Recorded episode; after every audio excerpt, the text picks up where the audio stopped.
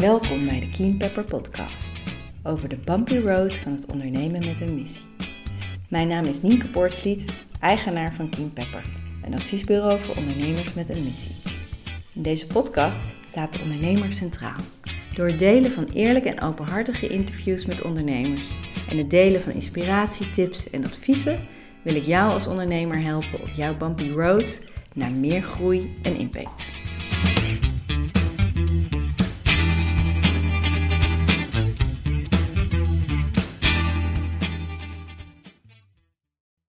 Welkom bij alweer de vierde aflevering van de Keen Pepper podcast. In deze aflevering hoor je het interview met Fatima Assaza. Fatima is een ervaren onderneemster. Zij heeft onder andere bureau Jan opgericht, een project- en adviesbureau in Amsterdam, wat zich inzet voor het vergroten van de culturele diversiteit in de culturele sector. Daarnaast heeft ze ook haar eigen sieradenlijn opgezet, Stone Stories. In het gesprek heb ik het met haar vooral over bureau Jan en over haar ontwikkeling als ondernemer. En over haar drijfveren en over haar jeugd en wat dat met elkaar te maken heeft. Ik vond het een heel mooi en openhartig gesprek. Ik wens jullie heel veel luisterplezier. Fatima, welkom. Dankjewel. Superleuk dat jij mijn gast bent vandaag. Kan je jezelf voor de luisteraars even voorstellen? Ik ben uh, dus Fatima Sasa. Ik, ben, uh, ik heb bureau Jan. Dat is een advies- en projectbureau in Amsterdam. Inmiddels al twaalf jaar actief als ondernemer, inderdaad, met heel veel plezier. Daarnaast ook een sieradenlijn, geïnspireerd op het cultureel erfgoed uit Noord-Afrika. Beetje begonnen uh, vanuit mijn hobby. Door, ik was op doorreis in Marokko en ik was helemaal ja, overdonderd door de mooie sieraden. En nou eigenlijk de verhalen, de Emmezig-verhalen moet ik zeggen, de inheemse volkeren van Noord-Afrika. En daar is echt een sieradenlijn uit voortgekomen. Ik ben moeder van een zoontje van, uh, van vier, Janis, uh, en zwanger nu van een tweede. ja, dat ben ik in een notendop. Bureau Jan, hè? het is een uh, project- en adviesbureau. Ja. kan je daar wat meer over vertellen? Wat, wat het precies, waar geef je advies in en wat houdt het in? Ik ben begonnen na, direct na mijn opleiding, culturele en maatschappelijke vorming. En ik had ook een hele leuke baan bij het Rozentheater, bij een jongerentheater op de Rozengracht als uh, productieleider en educatief medewerker.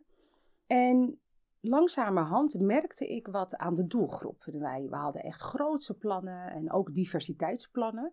Maar elke keer weer als wij mooie theatervoorstellingen uh, hadden georganiseerd of feestjes, dan zagen we ook echt een, een, echt een homogene groep binnen. En we dachten, nou, dat kan en het, eigenlijk moet dat anders in een stad als Amsterdam. En wat en, was dan de homogene groep? Waar ja, wit. Ja, Amsterdam-Zuid. Uh, vaak ook wel mensen buiten Amsterdam. Ontzettend leuk. Maar we, ja, ik, ik, ik zeg steeds we, maar eigenlijk ik miste uh, de diversiteit van de stad Amsterdam. En waar ik ook echt in ben opgegroeid. Ik dacht, ja, wat gek dat ik dat helemaal niet meer terugzie in mijn werk. Want na werktijd ging ik altijd weer terug naar uh, Stadsdeel Bos en Lommer. Nou, over diversiteit gesproken. Want jij komt uit Bos en Lommer. Ja, ik ben daar echt geboren en getogen. Dus ik voel ja, ontzettend veel liefde ook voor verschillende culturen. Daar ben ik letterlijk echt mee opgegroeid. Uh, en dat was ook de reden waarom ik dacht, uh, ik moet hier mijn werk van maken. Maar op het moment dat ik uh, ja, dus voor een heel mooi theater mocht gaan werken, dacht ik, hé, hey, wat zonde. Het was vooral het gevoel van, hé, hey, wat zonde dat niet alle ja, mooie groepen hier in Amsterdam hier gebruik van maken. En ik had een hele fijne scriptiebegeleider, Albert Jan, ik zal hem echt nooit vergeten.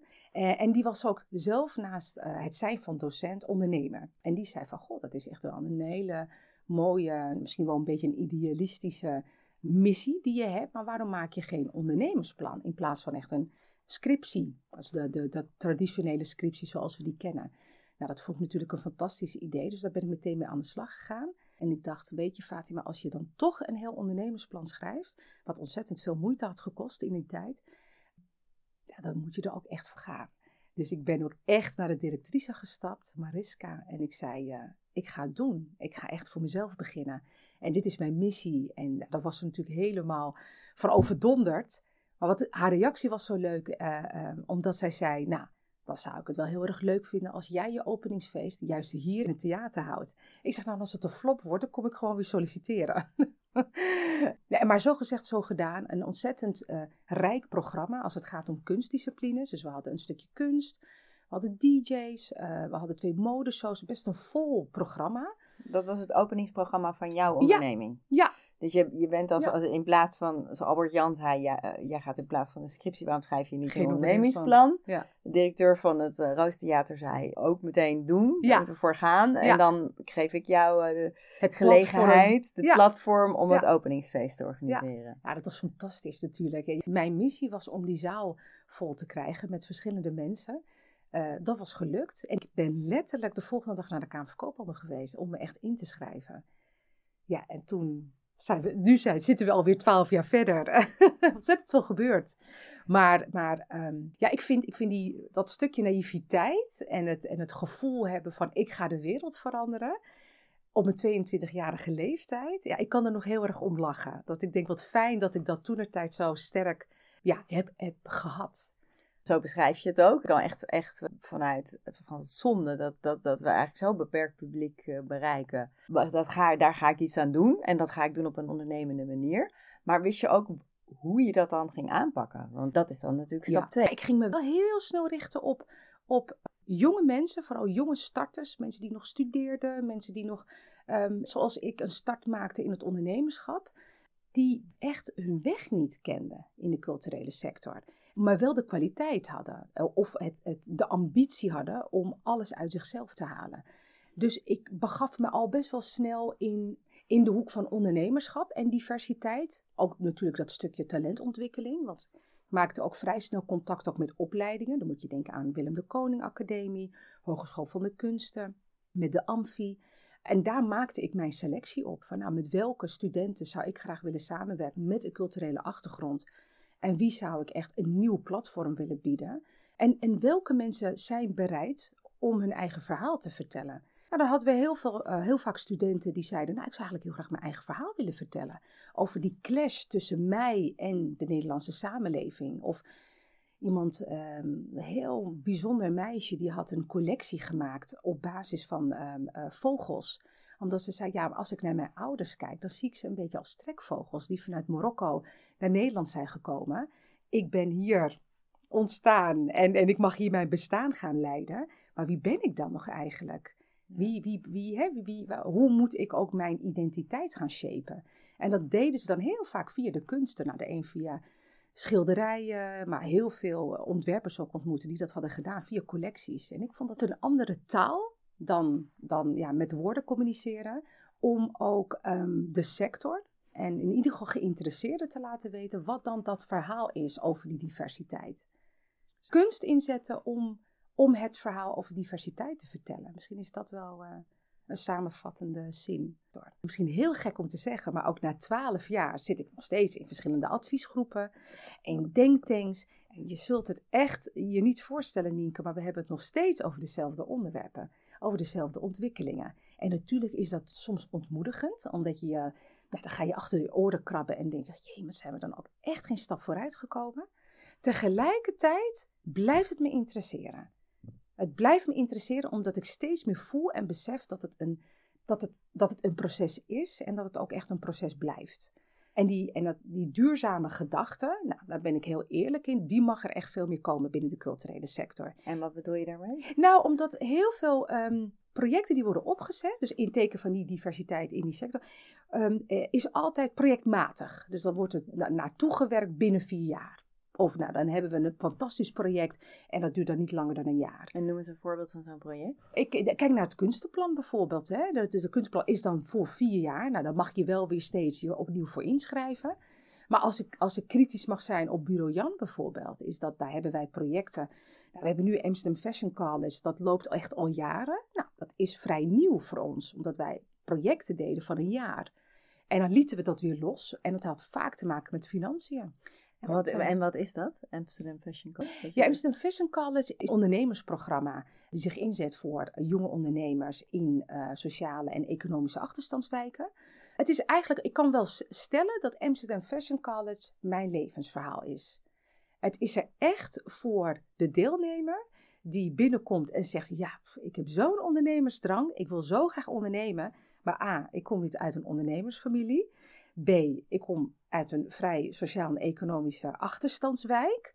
Ik weet totaal niet hoe ik in een netwerk terechtkom. Dus de skill of de competentie, leer het mij alsjeblieft.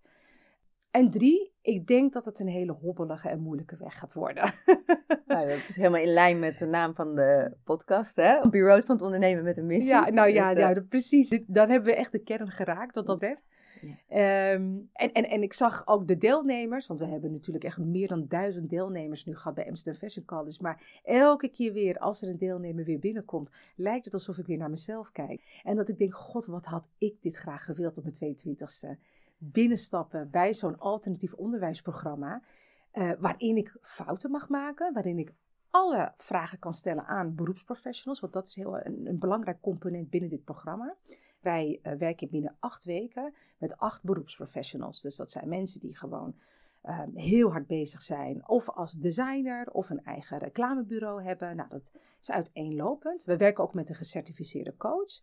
Omdat eh, ik heel erg geloof dat het ondernemersgevoel ook heel erg in contact staat met je eigen identiteit. En hoe je in het leven staat. En met je onzekerheden. En en dat dat bepalend is uh, of jij uh, het straks redt ook als ondernemer. Dat klinkt heel hard misschien, maar um, als je genoeg zelfvertrouwen hebt gecreëerd voor jezelf, dan heb je ook het vertrouwen, uiteindelijk dat het goed komt met je ondernemerschap. Ook na een vreselijke flater of dat je zegt van, oh god wat een hoppelige weg.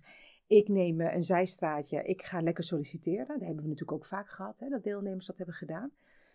Maar met voldoende zelfvertrouwen en een goed netwerk om je heen, dan weet je dat het een fase is. Een fase waarin je ontzettend veel van kan leren. Uh, en dat je vooral door moet gaan. Dus ja, Amsterdam Fashion College is, is ja, ik, ik mag wel stellen dat Amsterdam Fashion College echt het hart is geworden van Bureau Jan. We gaan dit jaar de tiende editie organiseren met Van Gogh Museum. En dat gaat dan weer heel erg ook over de kunsten hè? en over je uh, eigenaarschap. Het interessante is bij uh, Vincent van Gogh is dat wij zijn uh, levensverhaal als voorbeeld gaan nemen. Hij heeft ontzettend een hobbelige weg gehad, zelf als kunstenaar. Hè. Die, had, nou, die was ontzettend arm, die, die moest wel echt gesponsord worden, wilde hij überhaupt gaan schilderen. Hij heeft heel veel tegenslagen gehad, ook, ook heel veel kritiek op zijn werk. En dat vind ik, dat vind ik een hele mooie ja, vergelijking ook met de deelnemers die wij binnenkrijgen. Want die hebben ook ontzettend veel tegenslagen uh, gehad voordat ze zich hebben aangemeld. Dus je moet je voorstellen dat we ook echt wel met, soms met mensen te maken hebben die net uit een burn-out out zijn gekomen. Als ik in een notendop kan vertellen hoe, hoe wij het programma hebben opgebouwd. Ik vergelijk het eigenlijk altijd met een ui die je aan het pellen bent.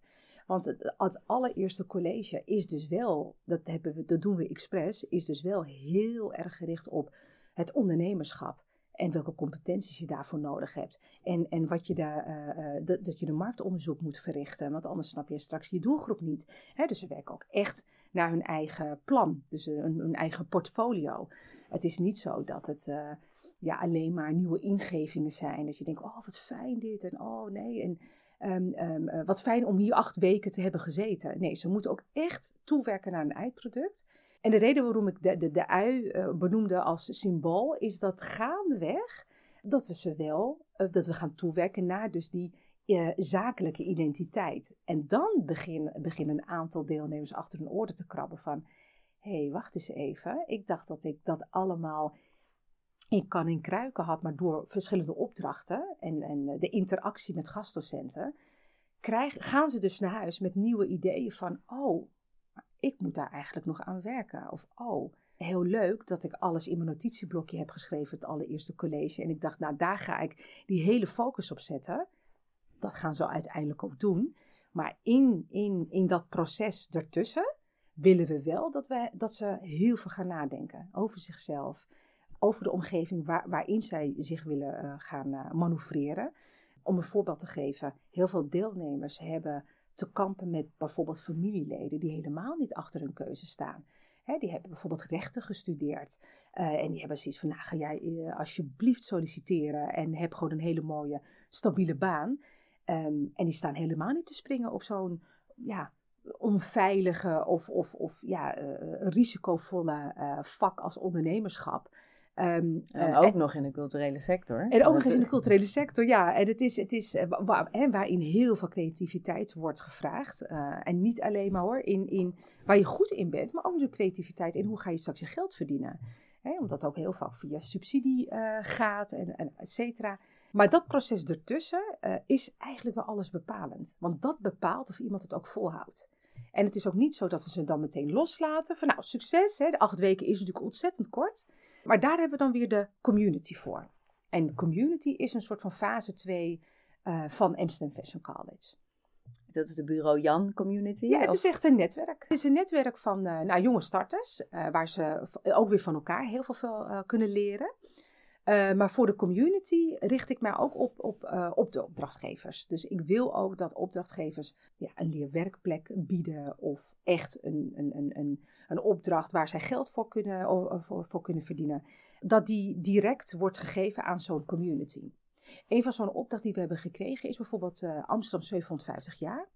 Daar, komt, er zijn de aankomende vijf jaar wordt er ontzettend hard gewerkt uh, aan de viering. Want de stad bestaat 750 jaar, dat is natuurlijk ontzettend bijzonder. Uh, en het leuke is, is dat de community daar een aandeel in mag hebben. In die, in die organisatie, in die voorbereiding. En dan fungeren wij echt als een soort van detacheringsbureau.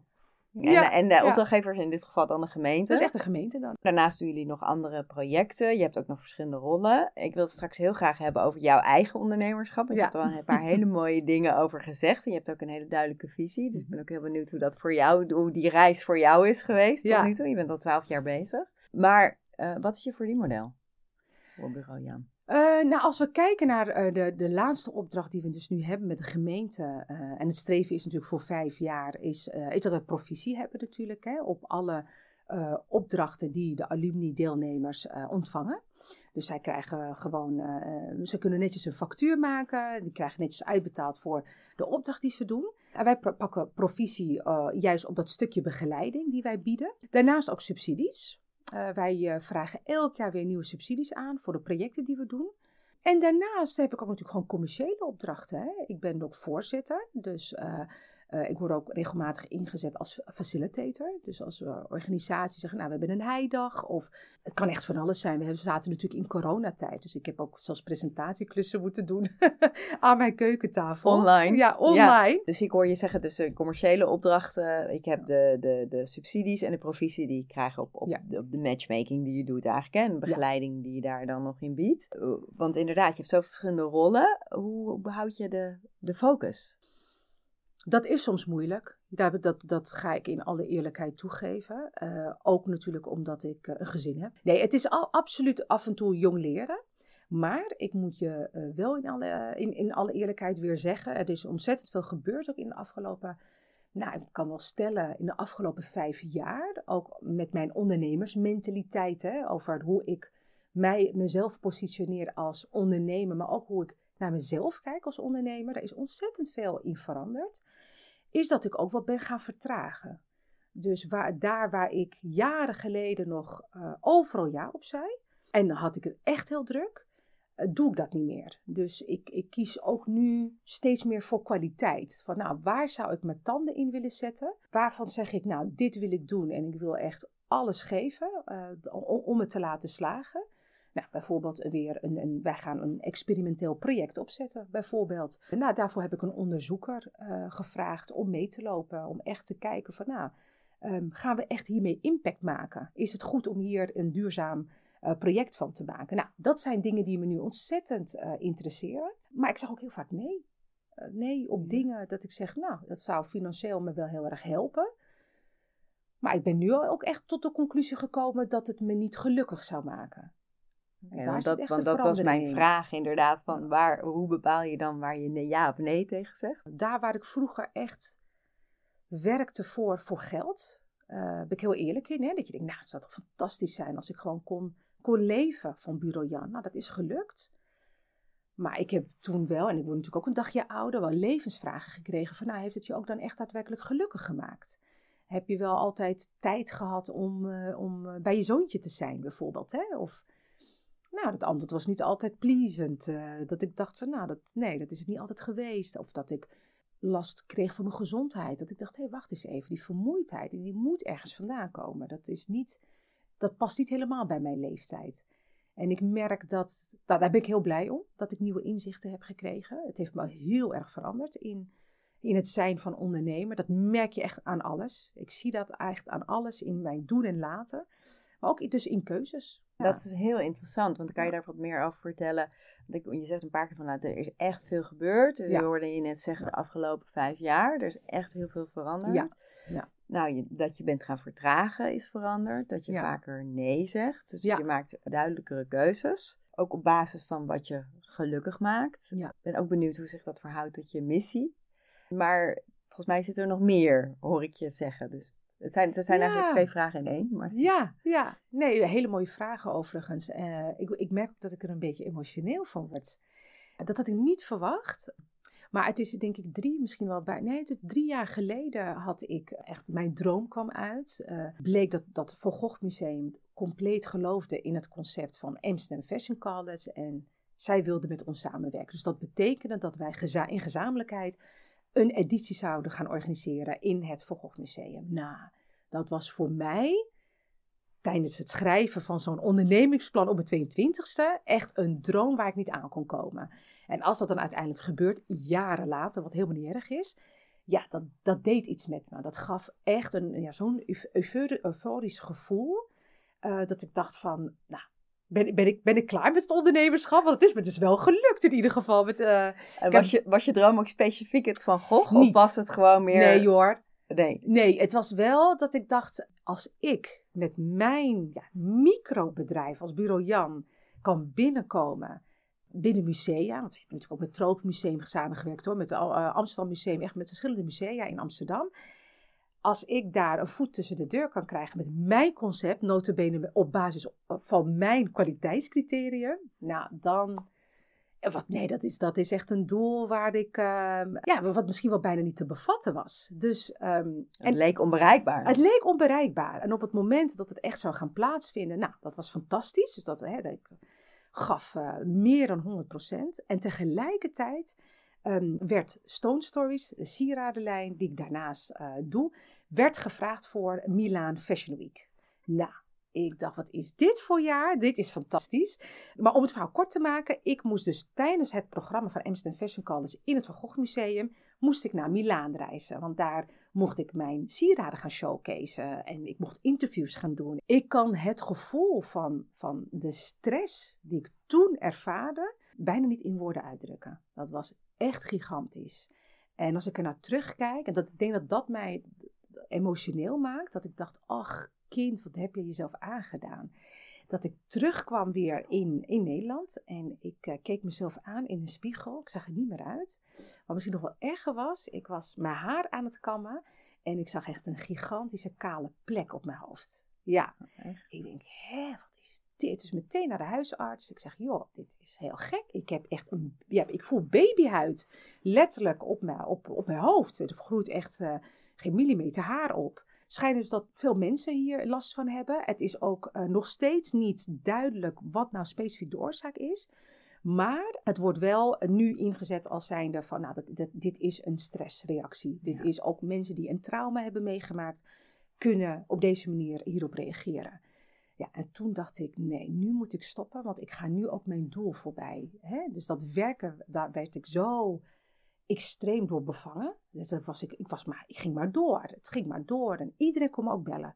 En ik had altijd even tijd. Dat, was, ehm, al, dat was al in de aanloop, want, want wat je beschrijft zijn natuurlijk ook twee mega grote events die dan toevalligerwijs ook nog tegelijkertijd plaatsvonden. Maar de, de periode daarvoor, wat je zegt, iedereen kon me bellen. Ik zou ja, dat ja, was, ja, ja, dat, dat is echt als... Uh, iedereen wist van, oh, daar wil je Fatima even. Oh, daar kan je echt wel even advies aan vragen. En dat, en dat deed ik het ook, heel braaf, ook in de, in de avonduren.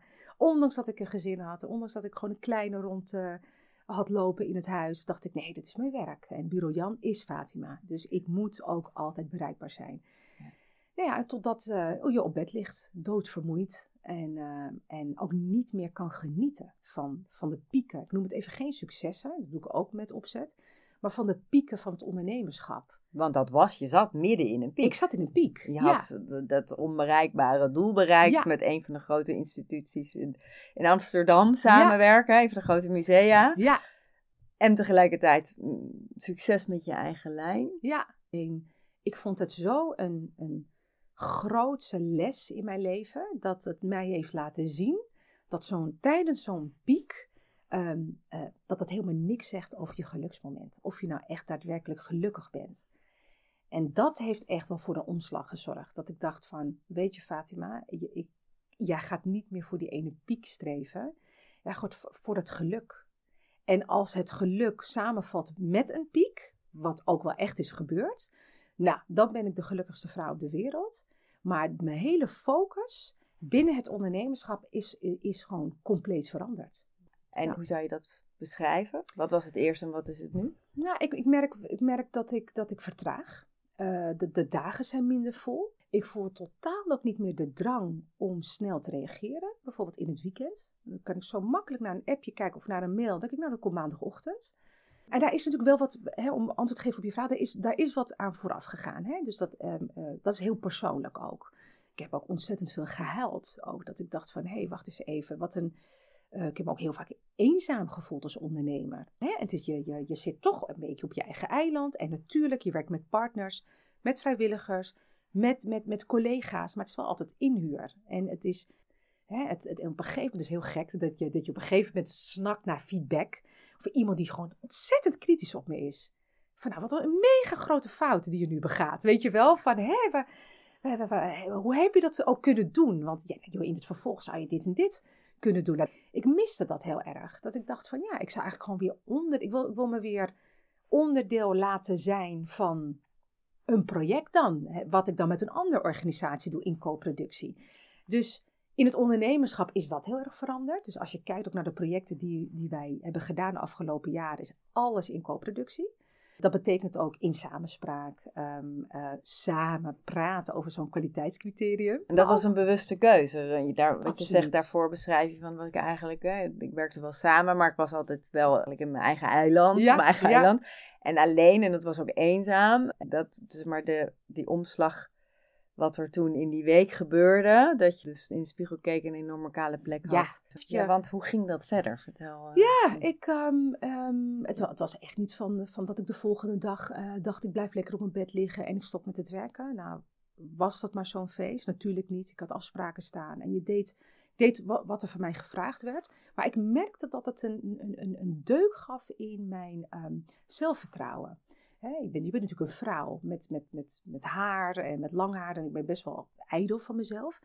Dat ik dacht, jezus, ja, ik loop hier nu wel uh, tussen mensen met een enorme kale plek op mijn hoofd. Weet je, dus alleen al, even in praktische zin, vond ik dat heel, ja, heel, dat maakte me toch wel een beetje onzeker ook. En ook uh, familieleden, die schrokken enorm van, god, je moet echt wel wat beter nu voor jezelf zorgen. En je hebt ook een kleine en... En op een gegeven moment maakte ik gewoon een planning over, over nee, in ieder geval dan volgend jaar. Want je hebt natuurlijk gewoon afspraken gemaakt. En die kwam ik ook gewoon na. Uh, dus dat, dat, het verschil in mijzelf was ook niet duidelijk meteen te zien hoor. Ik, ik deed mijn afspraken. De deadlines hadden we behaald. De evaluaties hadden we gedaan. Maar de jaar daarop had ik toen wel tegen mezelf gezegd: je gaat gewoon minder projecten doen. Al betekent het dat er dan minder uh, financiën binnenkomt of minder geld heb ik mezelf ook gewoon eerlijk de vraag gesteld: maakt het je ongelukkig? Want het is niet zo dat je het dan niet redt. Je redt het, ook met minder geld. En, maar wat, wat doet het straks dan met je? Hè? Dus gevoelsmatig. En toen merkte ik een, een, iets, iets bij mij dat ik dacht: oh, wat, wat, wat stom dat ik dat eigenlijk jaren heb gedaan. Ik linkte de successen van mijn bedrijf met mijn persoonlijkheid. Dus als ik zou falen met Bureau Jan, betekende dat ook falen in mijn persoonlijk leven. Dat ik zou dan 100% als ik deze ingeving niet had gehad, ik geloof wel dat ik dan in een depressie terecht zou kunnen komen. Of dat ik, dat, nou in ieder geval echt in een gat. Een flinke burn-out. In een flinke burn-out. En totaal niet weten dus ook wie je bent en waar je naartoe gaat en waar je eigenlijk voor staat. En ik moet je zeggen, het helpt enorm ook om een partner te hebben die daar meteen achter staat. En die ook zegt, joh, doe alsjeblieft ook gewoon wat je gelukkig maakt. En als dit het is, als het hem zit in vertragen, als het hem zit in minder projecten draaien, uh, doe dat dan vooral.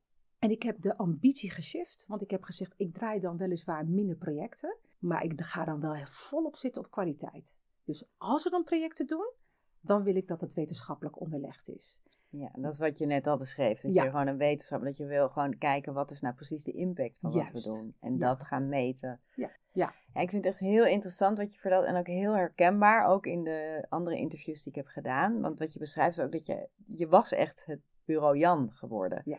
En jouw geluk hing ook af van het falen of het, uh, of het succes van, van bureau Jan. Ontzettend ongezond. Ja. Ontzettend ongezond. En ik voelde me ook wel verantwoordelijk, juist omdat ik ja, programma's ontwikkelde in teken van ondernemerschap. dus als het ondernemerschap bij mij dan zo in de knoop zit en, en helemaal niet gezond is, dat is natuurlijk ook niet wat ik wil uitdragen naar de groep. Uh, dus ik heb ook heel vaak meegemaakt dat ik een college gaf en dat ik vertelde hè, over. Ik kon het heel mooi vertellen voor een ander. Maar als ik naar mezelf kijk, dan denk ik, ja, maar ja, je, je, je loopt heel mooi te preken dat, dat hè, ondernemerschap ook met tijden gaat. En koester ook je privé-tijd. En zorg ervoor dat het allemaal niet zo samenloopt. Maar bij leven, na zo'n college, was nou exact het tegenovergestelde. En, en ik had die tijd nodig om erachter te komen. Ik had die tijd nodig om ook even weer iets meer van mezelf te houden. Het klinkt misschien heel persoonlijk, maar het, het, ik, ik moest mezelf weer leren waarderen. Want als jij je, je eigen waarde hangt aan het ondernemerschap, betekent het dus dat ik liefde moet verdienen. En liefde is, is dat, dat verdien ik altijd. Dat ook als het niet goed met me gaat. En ook als ik in een depressie uiteindelijk zou belanden. En dat heeft me zoveel kracht gegeven. Dat is een, ja, ik kan het echt wel omschrijven als een soort brandstof voor mijn manier nu van werken. Dat ik denk, het is ook helemaal niet erg als een keer een project niet gaat. Hè? Ehm, maar ik denk ook wel dat mensen die dicht bij me staan, die omslag ook hebben gezien. In mijn persoonlijkheid, in mijn manier van denken, in, in, en uiteindelijk dus ook in mijn manier van ondernemen. Waarom denk je dat? Nou, ik, ik heb het teruggekregen, ook van familieleden, dat ze hebben gezegd van, uh, goh, wat, wat, uh, wat, wat, wat, zorg je goed voor jezelf? Weet je, die, die, die plaatsen het natuurlijk heel erg persoonlijk. En goed zorgen voor, voor jezelf betekent, ik ga bijvoorbeeld wat vaker uit eten ook. Hè? Of ik doe wat vaker leuke dingen met de kleine. Of in plaats van dat ik een, een vrije middag heb. Nou, dat vulde ik vroeger meteen met beelafspraken. Uh, nou, laten we dan echt toch nog even een uurtje overleggen. Terwijl ik, nou, gisteren had ik een hele rustige ochtend. En toen dacht ik, ik ga gewoon even op mijn rug liggen met mijn handen op mijn buik in de hoop dat ik mijn ongeboren kind mag voelen. En, en dat gaf zo een rijk gevoel. En, en ik kan me nog herinneren, over de hele dag heb ik gedacht aan dat moment dat ik dus op, de, op mijn bed lag uh, om aan mijn kindje te voelen. Dus dat is zo, ja, ik, ik, ik, ja dat geeft mij uh, ja, echt ontzettend veel rust. En het voelt voor mij ook als moeder, dat staat natuurlijk helemaal los van het ondernemerschap, maar ook als moeder voel ik me ontzettend gesterkt in de missie die ik heb, ehm, wat, wat, wat ik mijn kinderen wil bijbrengen. dus niet alleen maar voeden, leuke dingen doen en, uh, en mogelijkheden bieden, naar sport brengen. Maar ik voel nu ook van nee, ik zou ze zo graag echt de, de, de lessen willen meegeven die ik heb, uh, ja, die ik heb moeten doorstaan. Van alsjeblieft, doe, doe de dingen die um, jezelf ook weer tijd geven. Maar ook doe de dingen die je gelukkig maken. En als het, als het je niet zint en je merkt van het gaat niet goed, alsjeblieft vol, vol het zelfvertrouwen om aan de, de bel te trekken en te zeggen: Ik ga het nu anders doen. En ik ga het nu anders doen omdat ik me niet goed voel. En ik denk dat het moederschap daar echt wel een fundament in heeft gelegd. Voor jou? Absoluut. Absoluut. Als ik ook, um, heel leuk, gisteren, nou, het is een hele leuke, stoute uh, kleuter van vier. En uh, ik was er even boos op hem, ze moest even op de trap zitten. En ze zei, ja mama, ben je, ben je boos op mij? Ja, ja, ik ben nu even boos op jou. Van, maar vind je mij dan niet meer lief? Ik, vind je altijd lief. En hou je, me, hou je niet van me dan? Ik hou altijd van je. En op het moment dat je, dus hetgeen waar je, dus, waar, waar je heel hard aan, aan, aan het werken bent voor jezelf, hè, die, die, die onvoorwaardelijke liefde voor jezelf, in, in welke toestand je ook je, je mag bevinden. Als je, als je jezelf hoort uitspreken, uh, uh, uh, nou, nu in, de, in dit geval tegen mijn kind, dan denk ik, ja, dit is toch, dit is toch, dat komt zo mooi samen. Dat ik denk, wat grappig dat mijn kind van vier mij indirect ook weer leert dat ik dus onvoorwaardelijk ook van mezelf mag houden. Want ik hou natuurlijk onvoorwaardelijk van hem. Ik mag wel even boos op hem zijn. Ik hou onvoorwaardelijk van mijn kind. En ik denk ieder moeder. En ik vind dat dus dat het. in het begin ontzettend bang dat het moederschap mij juist zou tegenhouden in het ondernemerschap, heeft het moederschap mij juist gestimuleerd om door te gaan met, uh, met wat ik doe. Maar dan op een, andere vorm. fundamenteel Ja. andere Ja, manier, ja, wat ja. je beschrijft. Ja. En dat is volgens mij de kern van de shift die je hebt gemaakt, als ik je zo beluister. Ehm, ja, ja, nou in, in- die zin, het, het heeft een, een, een, een tweede en diepere laag gegeven. Want ik ben natuurlijk begonnen op mijn 22e en ik heb een, nou, misschien toch wel een ander soort jeugd eh, gehad dan de gemiddelde jongeren in, in, in Nederland of in Amsterdam. Ehm, nou ja, ik ben mijn moeder eh, verloren toen ik tien was aan kanker. Die heeft een, een nou, ik denk wel echt wel een flink een jaar ziek geweest. Dus we hebben er ook een soort van naartoe geleefd dat ze er straks niet meer zou zijn. Maar dat is wel leven in, in een intense verdriet, waarin ik toch weer naar school ging, heel slecht voor mezelf zorgde. Een hele lieve vader die wel echt meer dan 40 uur in een week werkte. Dus ik, ik kon die ouderlijke liefde, eh, kon ik gewoon op dat moment niet krijgen. En daarna ook niet, na haar overlijden. En dat was totaal geen bewuste keuze van mijn vader, maar daar was gewoon echt geen tijd. Hij moest gewoon werken Hij moest werken, eh, ja. gezin te onderhouden. Ja, en hij probeerde het wel hoor. Dus dan zei hij af en toe, dat vond ik zo lief, ik ben je vader en je moeder. Dus je mag alles tegen me zeggen. Dus ook mijn ongesteldheid kon ik gewoon met mijn vader bespreken. Dat is, was heel bijzonder. Eh, ook binnen de Marokkaanse cultuur. Want ik had vriendinnen, ik kan me nog zo goed herinneren dat ik een vriendinnetje had die naar me keek. Ik zei, nee, dat bespreek je toch niet met je vader? En mijn vader, die, ik hoefde alleen te zeggen, ik heb buikpijn. Ja, dan kocht hij maatverband en chocolaatjes. Nou, dat vond ik zo ontzettend lief en aandoenlijk. Ontroerend. ja. Heel ontroerend, ja. En dat je voorstellen, hè, dat waren drie pubers en een meisje van tien. Dus het Want je had, jij was de jongste. de jongste in een Ja. gezin van vier. van vier. Ja. En, je, en daarboven waar, had je broers of ja, zussen? ik had twee zussen en een broer. Eh, de- En deze situatie heeft ons ook echt ontzettend hecht gemaakt. Dus we zijn helemaal naar elkaar toegegroeid. Tegelijkertijd ook weer niet. Want iedereen kampte met ja, zijn of haar eigen verdriet. En wat wij deden om elkaar te beschermen, is er juist niet over praten. Ja, juist van eh, het gevoel geven, het gaat goed. Ehm, en als je wat nodig hebt, dan kan je bij mij terecht. Maar niemand deed dat, dat- omdat je elkaar probeert te beschermen. En dat was iets wat je toen bewust van was? Of dat was, of, eh, Helemaal was niet. besproken? Nee. Of dat, was gewoon, dat, dat ging gewoon zo? Ja, nee, dat, dat ging gewoon zo. Ja, en ik was ook veel te jong om dat te begrijpen. Ik, ik, ik, mijn ehm, eh, toevlucht zocht ik in fantasie. Dus ik, ik begaf me compleet in een fantasiewereld. Ik, ik eh, bedacht me weer een weerzien met mijn moeder in de hemel. Ik schreef gedichten. Ik schreef ook brieven naar God. Ik schreef ook brieven naar mezelf. En dat gaf mij een soort van ja, een kinderlijke, fantasierijke verwerking. Het was niet per se een rouwproces. Dat kan, nee, dat kan, ik, dat kan ik niet zeggen eh, over dat meisje van tien. Maar de klap die kwam natuurlijk wel in mijn puberteit. Want ik, was, eh, ik wilde heel veel en ik dacht, hé hey, ja, ik wil eh, eigenlijk allemaal dingen wat mijn vriendinnen helemaal niet willen. En ik deed mee aan een jongerenprogramma op televisie voor de humanistische omroep. En ik wilde vrijwilligerswerk doen in andere stadsdelen. En mijn vader die was van, god, dit, dit kind gaat alle kanten op. ik weet niet zo goed hoe ik dit moet, eh, moet gaan reguleren. Maar je was En- ambitieus. Je Ik was echt extreem ambitieus. En, en achteraf, eh, dat hebben we ook eh, familiair ook besproken met elkaar. Achteraf is dat natuurlijk ook wel een teken van het goed willen doen voor je vader. En voor je moeder in de hemel. Dat je Mm. denkt van, weet je, je mag dan wel heel vroeg zijn vertrokken. Maar verdomme, we gaan laten zien dat het helemaal goed komt. Weet je wel? Dus mijn broer die heeft het heel erg gehad. Die zit nu in Abu Dhabi voor zijn baan. Die heeft echt ontzettend hard gestudeerd. Maar ook mijn twee zussen, weet je wel. Dat, het, het gevoel van, we gaan het goed doen. En, en aan alle is het niet alleen voor mijn moeder, dan is het voor mijn vader. Weet je wel, die, die opoffering die jij hebt gedaan, weet je wel, voor je gezin. We willen laten zien dat het niet voor niets is geweest. Dus dat, dat is zo bepalend geweest voor onze connectie met elkaar. En, en dit hebben jullie ook met elkaar benoemd. Dat die drive die jullie dus alle vier op een andere manier hadden, Ja, heel erg te maken had met... eh, ja, ja, het was ook heel emotioneel. ja. Ja, ja, ja, ook wel echt tranen laten vallen. Ook wel echt. eh, Ja, ik denk dat, dat wij alle vier op een andere manier en ook een andere fase in ons leven. toch een, een soort van identiteitscrisis hebben gehad. Dat heb ik ook echt bij iedereen gezien. Want je zei net, die klap kwam in de puberteit. Was Bij dat bij in jou in de puberteit. Ja, ja, ja, En wat, wat, wat gebeurde er? Ja, ik, ik wist niet waar ik het zoeken moest. Dus ik had natuurlijk te kampen met hormonen en gevoelens en, en die ambitie om hè, het beste uit mezelf te halen.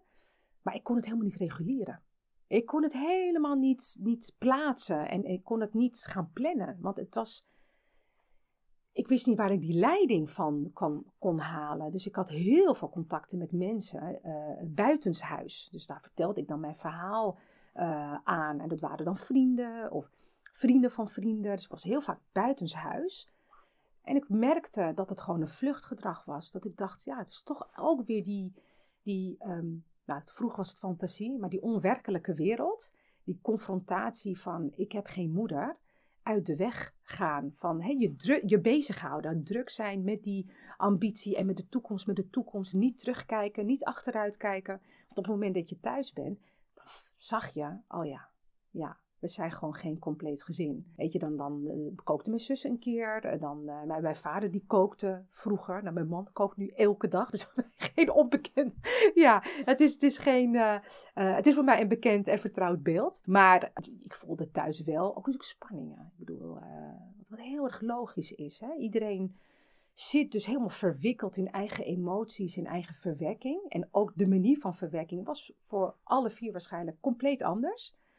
En het is voelbaar, dat is energie. En, eh, en eh, ik maakte me ook altijd heel stil thuis. Dus ik, ik werd ook stiller, ook in mijn puberteit. En dat falen, waar ik het net over had, binnen het ondernemerschap, nou, dat voelde ik al voor het ondernemerschap. Dus het falen, ik heb mijn HAVO-diploma niet in één keer gehaald. Nou, mijn wereld stortte in. En ik durfde het mijn vader niet te vertellen. En, en ik vond het verschrikkelijk. Iedereen thuis vond het verschrikkelijk voor mij. Ontzettend begripvol. Van, ach, weet je, je, je haalt het volgend jaar. Je hebt hartstikke hard je best gedaan. En, maar ik koppelde dat gewoon aan mezelf. Van, ach, je hebt gefaald. Je Ja, hebt je eigen waarde eigenlijk. Compleet verwoest, ja. Wel een, een, een, al een patroon wat dus ook in je ondernemerschap eh, Ja. zich heeft voortgezet. Ja, ik denk dat ik, dat ik die, dat gebroken meisje van toen, die haar moeder had verloren en het echt niet wist waar ze het zoeken moest, dat ik dat toch in het, in het ondernemerschap heb gevormd tot een competentie. Ik denk dat ik dat echt kan zeggen. Dat het me heeft geholpen om echt naar iemand te luisteren. En dan heb ik het niet over dat ik iemand hoor, maar dat ik echt met iemand meevoel. En dat ik, en dat ik, maar dat ik ook wel weer gewoon naar mezelf kijk. Dan denk ik, oh, wat had ik gewild dat iemand zo op die manier naar mij zou luisteren. Of op die manier na- alleen al naar mij zou kijken. Dus dat komt voort uit iets wat ik heb gemist. Uit, uit een gebrek. Ja. En dat had ik heel lang erg gevonden. Zoals een compliment. Je bent echt net een moeder voor me. Dat ik nu heb eh, besloten, of nu, de laatste jaren, echt wel tegen, tegen mezelf heb gezegd van nee. Zie het gewoon echt als competentie. En geniet ook van die rol.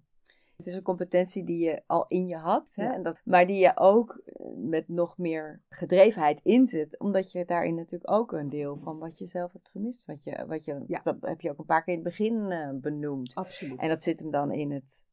Het zit hem dan in eh, de manier van begeleiden en netwerk. Maar meer die, de wat maar algemenere dingen. Maar wat Ja. ik je nu hoor zeggen, zit het ook heel erg in het echt iemand echt zien. Ja, mooi gezegd. Dat, nou, daar is echt meteen ook alles mee gezegd. Hè, je, je, het gevoel hebben dat je ertoe doet, ehm, dat er niet over je heen wordt gekeken. En dat is ook echt heel vaak de complimenten, de reacties, de feedback die we hebben teruggekregen van deelnemers. En zit daar ook dan de parallel dat, eh, zeg maar, als je er breder kijkt naar de culturele sector, Ja, daar werk jij natuurlijk met mensen die ook in die sector niet gezien worden. Nog even los Oh, van ja. het persoonlijke, maar in, in Ja. culturele zin, zo Ja. zeggen. oh, absoluut. Ik denk, ik denk dat dat ook een van de redenen is waarom mensen zich inschrijven voor Amsterdam Fashion College. Hè, dus dat, dat er absoluut wel pogingen zijn gedaan. Dus dan moet je ook denken aan, aan het vinden van een stageplek. Of ehm, een, een carrière eh, als designer hebben we ook wel eens gehad hoor. Dat we deelnemers hebben gehad van "Nou, ik heb het wel geprobeerd. Ik heb al twee collecties gemaakt. Maar ik kom niet binnen. Ik weet niet hoe ik het moet doen. En natuurlijk richten wij ons wel, dat moet ik wel altijd zeggen. Ik richt mij allereerst op, oké, wat mist er dan? Welke competenties? Hè? Waar moet dan aan gewerkt worden? Want ehm, ik word ook wel een beetje allergisch op dat het term diversiteit ook altijd als reden wordt ingezet. Hè? Van, Nou, dan, is, dan moet dat te maken hebben met dat, uh, dat, dat, dat je niet wordt geaccepteerd. Of dat je, Omdat je een andere culturele achtergrond hebt en iets maakt wat niet begrepen wordt. Ja, En dat kan, nou, dat, het risico daarin is natuurlijk dat het dan een soort slachtofferrol. Juist. Dat is absoluut waar ik niet in geloof. Ik vind, ik vind eh, dat, dat de diversiteit nog niet is waar het moet zijn in de culturele sector, dat is één. Maar om, om de conclusie te trekken dat je daardoor slachtoffer bent, daar ben ik het niet mee eens. Dat dat, dat, dat twaalf jaar geleden ook niet. Ik vind dat je hier in Nederland, en dat heb ik zelf al kunnen ondervinden, ongelooflijk veel kansen krijgt. Mogelijkheden kan creëren, al krijg je die kansen niet. Ik heb letterlijk ervaren zonder netwerk, zonder, zonder nou, uh, iemand die me daarin kon begeleiden, heb ik echt kunnen zien dat ik mijn eigen kansen kon creëren. Dus er is kennelijk wel een plek geweest waarin ik mezelf kon laten zien en kon etaleren waar, waar ik goed in was. En, en daar zou je juist energie uit moeten putten. Dus nee, ja, dat, dat slachtofferrol claimen omdat iets niet werkt, dat vind ik te makkelijk. En dat is ook niet jouw verhaal natuurlijk. Nee, je hebt het niet. volledig op eigen kracht uh, ja. gedaan. En waarvan je nu achteraf zegt, ik, ik had die ondersteuning die ik zelf bied, had ik ook graag uh, ja. gehad. Je beschreef ook inderdaad hoe dat in, je, in het gezin is gegaan. En wat je daar net meegemaakt. Dat jullie alle vier eigenlijk heel gedreven waren. Je vertelde ook iets over je rol van je vader. Dat hij soms, zeker in die puberteit, niet zo goed wist hoe hij dat moest kanaliseren. Ja. Hoe kijkt hij naar jouw carrière tot nu toe? Ja, dat is heel interessant. Mijn, in het begin, toen ik mijn vader vertelde dat ik ZZP'er zou worden, nou, dan keek ik me met grote ogen aan van wat is dat in godsnaam? Wat deed jouw vader zelf? Wat ja, die, dat was echt ja, vroeger een, een, een, gastarbeider en die heeft zijn hele leven lang in een broodfabriek gewerkt in Haarlem. En hij is uit, uh, Marokko, uit Marokko, gekomen ja, ja, toen hij... Nou, hoe oud zou die zijn geweest? Um, ik denk niet dat hij heel jong was ook hoor. Ik denk eind twintig. Hij is ook best op een late leeftijd getrouwd. Mijn moeder ook. Ja, zag je dat goed? Ja, ik denk misschien wel midden twintig of misschien eind twintig. Bij een bro broodfabriek in Haarlem. Dat een heel, een heel mooi, uh, ik probeer het heel kort te houden, maar echt een heel mooi verhaal. Wat weer, dat, nou ja, dat, dat zijn levensverhaal, dat dat weer ook weer te maken heeft gehad met mijn uiteindelijke keuze van uh, ondernemer worden. Is dat hij natuurlijk zijn hele leven lang gewoon voor een baas heeft gewerkt. Moeten inklokken hè? En, en overuren moeten maken, nou, noem het maar op. Dus dat ik ZZP'er zou worden, dat was voor hem compleet onbekend. Nou, wat is dat ten eerste? En, en nou, waarom je hebt, je, je hebt gestudeerd en uh, je hebt ook nog eens een, een, hele leuke baan, part-time. Waarom ga je in godsnaam weg? Dus daar zat, daar zat echt wel wrijvingen in. Um, ik vertel het nu met een lach hoor, maar ik kan me nog zo goed herinneren dat ik op mijn 22e echt wel vaak thuis zat met tranen. Dat ik dacht, jemig, dan werk je je helemaal uit de naad, weet je wel. En vooral die bewijsdrang, wat ik al had natuurlijk. Dat ik dacht van, nou, dan is hij toch niet trots. Maar het mooie is, is dat ik, nou, ik heb een, project gedaan uh, voor het Tropenmuseum, voor Zizo Marokko, een kindertentoonstelling. En uh, in teken daarvan ging ik een paar dagen naar Marokko met mijn vader, naar zijn geboortestad, met zijn oude foto's. Dus ik wilde hem beter leren kennen. Op een manier waarop je nou, als volwassen dochter in gesprek gaat met je vader. Dat had ik eigenlijk nog nooit echt gehad. Met tijd en rust om je heen. Um, ja, en ik stelde hem natuurlijk allerlei vragen over zijn jeugd. En uh, nou, vond ik ontzettend interessant. Een heel ander leven gehad dan ik. Vanaf zijn zevende bijvoorbeeld al gewerkt. Nooit naar school kunnen gaan. En toen vertelde ik hem van, stel nou dat je dezelfde kans had gehad als ik. Wat, wat was je geworden? En dat vond hij een hele confronterende vraag. Dus hij wilde helemaal geen antwoord geven. Dat is wel een mooie vraag. Ja, want ik was ook echt, en ik wist ook totaal niet wat voor antwoord hij zou geven. Uh, omdat hij ook nooit iets liet vallen over zijn ambities of wat. En hij vertelde uh, nou, eerst van, uh, nou, ik ben veel te oud voor die vraag. Ik zeg, nee, probeer daar toch een antwoord op te geven. Wat, wat, wat zou je... Nou, ik moest het echt tot drie keer toe, moest ik het vragen. En toen kwam het hoge woord eruit dat hij zei, nou, dan had ik echt mijn eigen winkeltje willen hebben. Dus ook weer uh, het onder, ondernemerschap in willen gaan. Hè? Het eigen baas willen zijn, eigen keuzes kunnen maken. Bijna, bijna in auto, autonomie je, je, je leven leiden. Hè? Dus Ja. zonder baas, zonder... En dat vond ik zo mooi. En dat maakte de reis of de cirkel voor mij als volwassen persoon in mijn rouwverwerking, maar ook gewoon he- helemaal in mijn identiteitsontwikkeling, maakte dat, zijn antwoord maakte die cirkel af. Toen dacht ik, moet je kijken, dat hij dus, er is nooit tegen hem gezegd, ik ben trots op je. Hij, hij, die, de skill om op die manier pedagogisch met je kind in gesprek te gaan, ja, die arme man die heeft het nooit gehad in zijn jongere jaren. Dus die vond het ontzettend moeilijk om op die manier met mij of met zijn kinderen in gesprek te gaan. Hij heeft het absoluut geprobeerd. Want we hadden gewoon een hele, wat dat betreft, een open relatie met elkaar. Ehm, maar het moment dat hij zei, ja, dan was ik ook ondernemer geworden. Het beeld wat ik over mijn vader had en dat hij niet trots op mij zou zijn. En dat het ondernemerschap, dat hij dat helemaal stom vond. En dat hij het eigenlijk wel een hele slechte keuze vond. Was dus ook in mijn optiek helemaal veranderd. Dat ik dacht, zie je nou, jij, dat was misschien ook wel een waanidee. Of, of een, een onrealistisch uh, beeld wat je had over je vader. Misschien is hij, of misschien, hij was wel degelijk trots. Ja. Hij wist het allemaal gewoon niet zo goed te vertellen.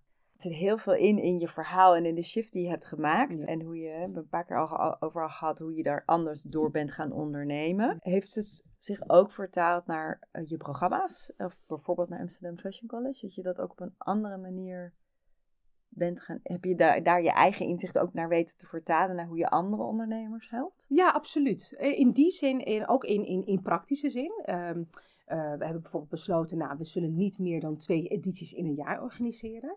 Uh, maar ook bijvoorbeeld dat er altijd een, een we hebben een heel wetenschappelijk onderzoek nu achter de, de rug gehad met Erasmus Universiteit. Die, dus de, de uh, masterstudenten die hebben echt een onderzoeksrapport aangeleverd op basis van alle edities die wij met Amsterdam Fashion Calls hebben gedaan. Dus dat proces erachter hè, met, en de mensen waarmee we samenwerken, maar ook het, de impact die het dus en kort, maar ook langdurig heeft gehad op de deelnemers. Dus ook de alumni community zijn geïnterviewd. En dat heeft echt wel ook wel voor nieuwe inzichten gegeven, absoluut. Dat ik uh, heb gezegd, en dat doen we overigens altijd, hè, na een editie evalueren en dan kijken we altijd wat moet anders. Uh, dus ook als je kijkt naar de eerste editie van Amsterdam Fashion Cult, is compleet, compleet, compleet anders dan nu uh, de negende editie, editie is geweest of hoe de tiende editie gaat worden. Wij, um, wat ik nu heel erg zie, een hele duidelijke um, ontwikkeling die ik nu waarneem. Dat komt ook omdat ik nu een collega heb waarmee ik samenwerk, Slotte de Gier. Heeft zelf ook de Amfi gedaan. Dus dat we ook wel een beetje met de basisbeginselen van de Amfi. Um, Amfi is de? Ja, de, de Mode-instituut. Uh, in, uh, nou ja, eigenlijk een van de belangrijkste mode-instituten in Nederland. Het zit in Amsterdam. Um, um, om, om met hun beginselen, niet helemaal, maar om met hun beginselen ja, te werken in het programma. Dus dan op het moment dat iemand zich nu aanmeldt voor Amsterdam Fashion College, die werkt ook echt toe naar een portfolio. En dat, dat, dat heb je dus bijvoorbeeld dan ook bij de Amfi. Nou, dan zou je kunnen vragen, waarom wil je dat doen? Wat is, dat, wat is de insteek daarachter? Um, dat is omdat de toestroom van studenten van de Amfi um, nog niet divers genoeg is. Mm-hmm. En nou, hoe kan je dat zien te voorkomen? Nou, dat is al heel vaak jaren geleden, ook door de stadsdeelvoorzitter van uh, Stadsdeel West, Venna, heel vaak aangegeven van... Joh, Venna. Venna ja. ja is heel vaak aangegeven van, joh, jullie zouden met de Amfi moeten samenwerken. Maar wat jullie doen, jullie bereiken de doelgroep, jullie stomen ze klaar voor het ondernemerschap. Het zou toch een hele mooie brug zijn dat die groep die jullie bereiken zich ook echt daadwerkelijk aanmelden voor een, een officieel modeinstituut.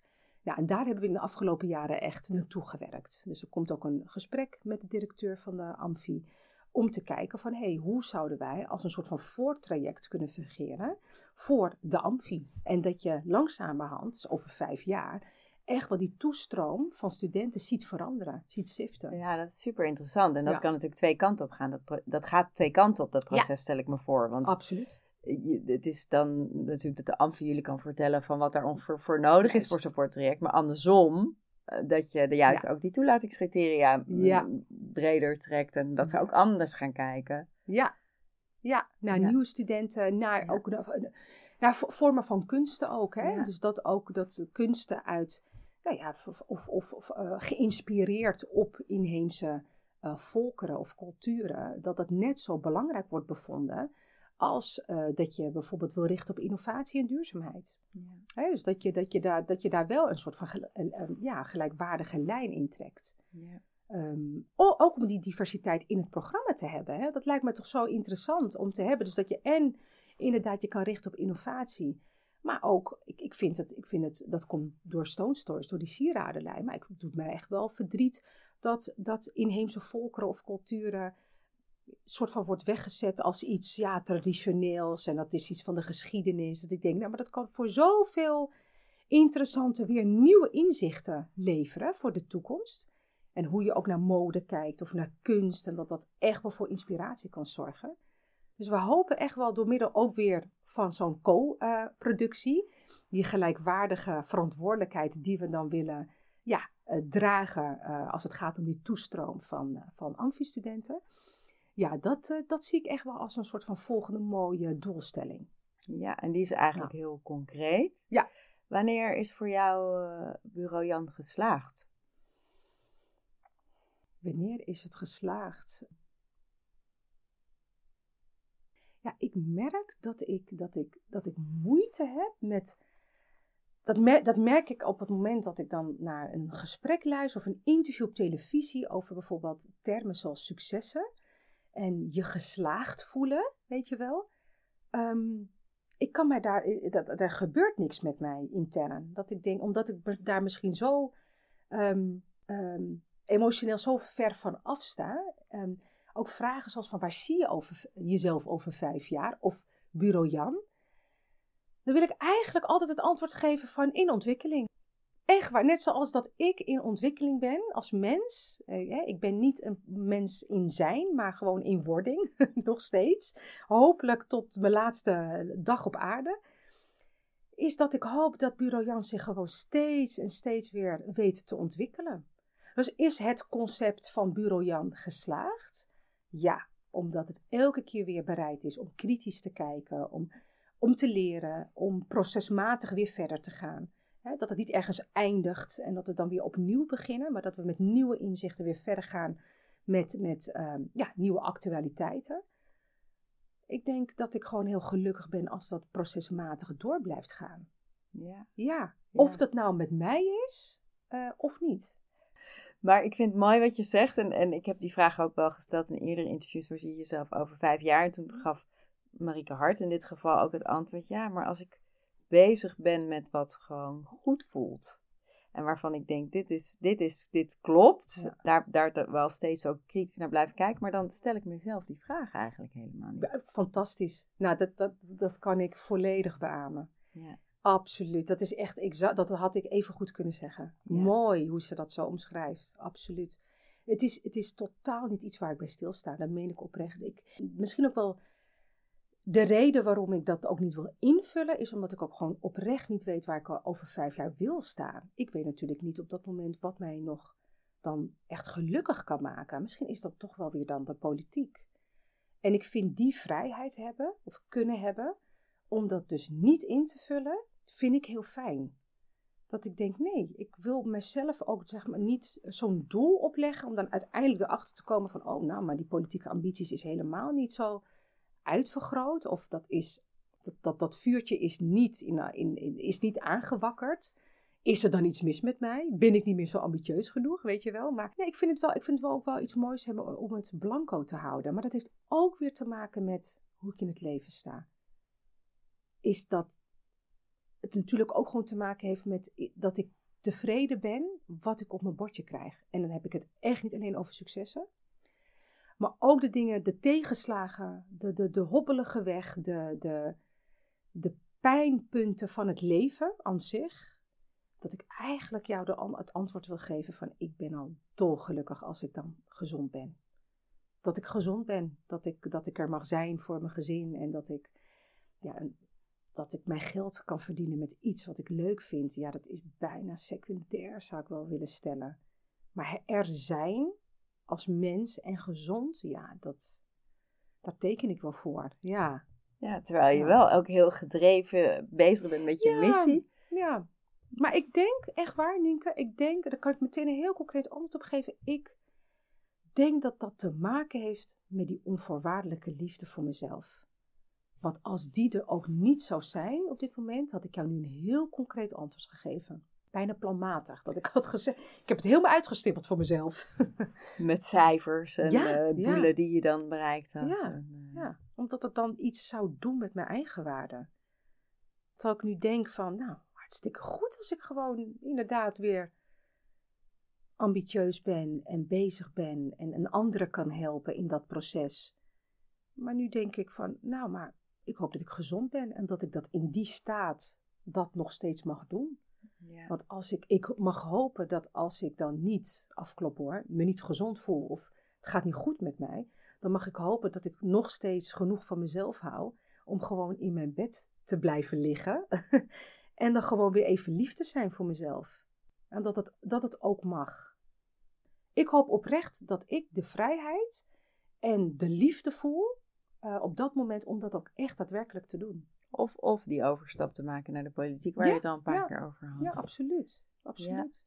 Ja. Ja. en zou je, als je een politieke carrière ambieert, zou je dan uh, uh, je wat zou dan, waar zou je dan op willen richten? Of, of is dat iets wat nog helemaal niet concreet is? Voor nou, ik, ik, nee, ik, vind het, ik vind het een hele goeie. Er is in de afgelopen, dit jaar heeft zich wel iets belangrijks afgespeeld. Dat heeft te maken met mijn oppas, Sofia. Ik weet niet of je dat hebt meegekregen in het nieuws. Sofia en Neswa Sabar, de twee zusjes die ongedocumenteerd uh, waren, mag ik gelukkig zeggen.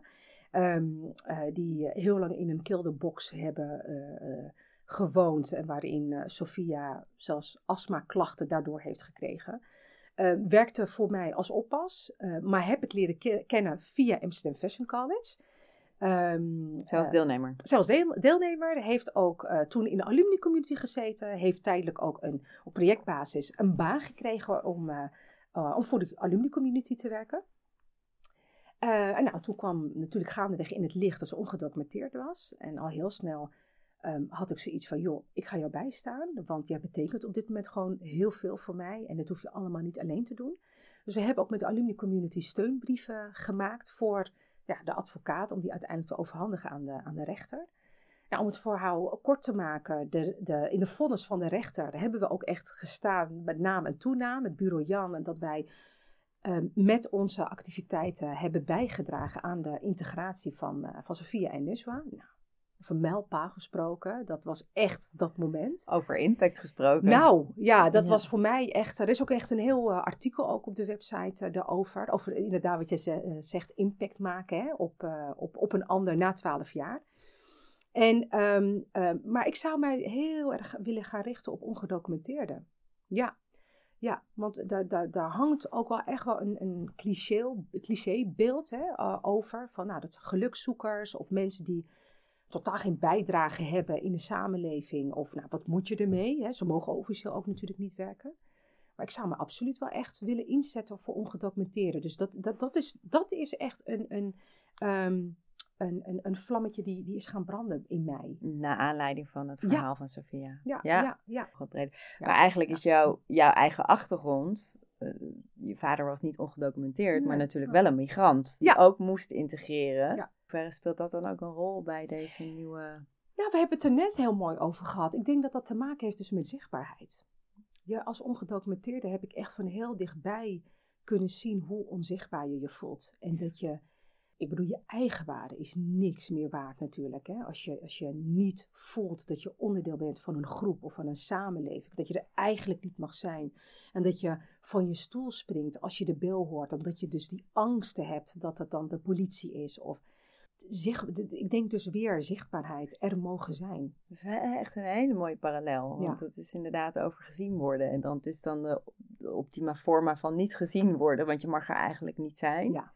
Ik, dit is inderdaad niet voor te stellen, ja. maar het is in de kern hetzelfde. Ja. Wat als een soort van rode draad door ons gesprek uh, ja. heen is gelopen. Zowel voor jouw eigen ervaring als in het werk wat je doet. Ja. En de impact die je wil maken. Ja. ja. En je missie in de culturele sector. Ja. Ik wil je heel erg bedanken, Fatima, voor dit uh, openhartige uh, gesprek. Waarin je heel veel hebt gedeeld over jezelf en over jouw reis als ondernemer, als mens. Mochten mensen nog meer willen weten van jou en van Bureau Jan, waar kan ik ze dan naar doorverwijzen? Ja, we hebben een website waar al onze projecten op staan: www.bureaujan met lange ei.nl. Ja, en wij zijn ook te vinden op LinkedIn, natuurlijk onder mijn eigen naam, Fatima Sasa, waar ik vrij actief op ben. Maar ook social media kanalen zoals Facebook en Instagram. Uh, onder de naam Bureau Jan. Ik zal het zeker ook uh, delen in de show notes. Nogmaals, dank Fatima voor het delen van je verhaal. En luisteraars, Dank voor het luisteren. Tot de volgende keer.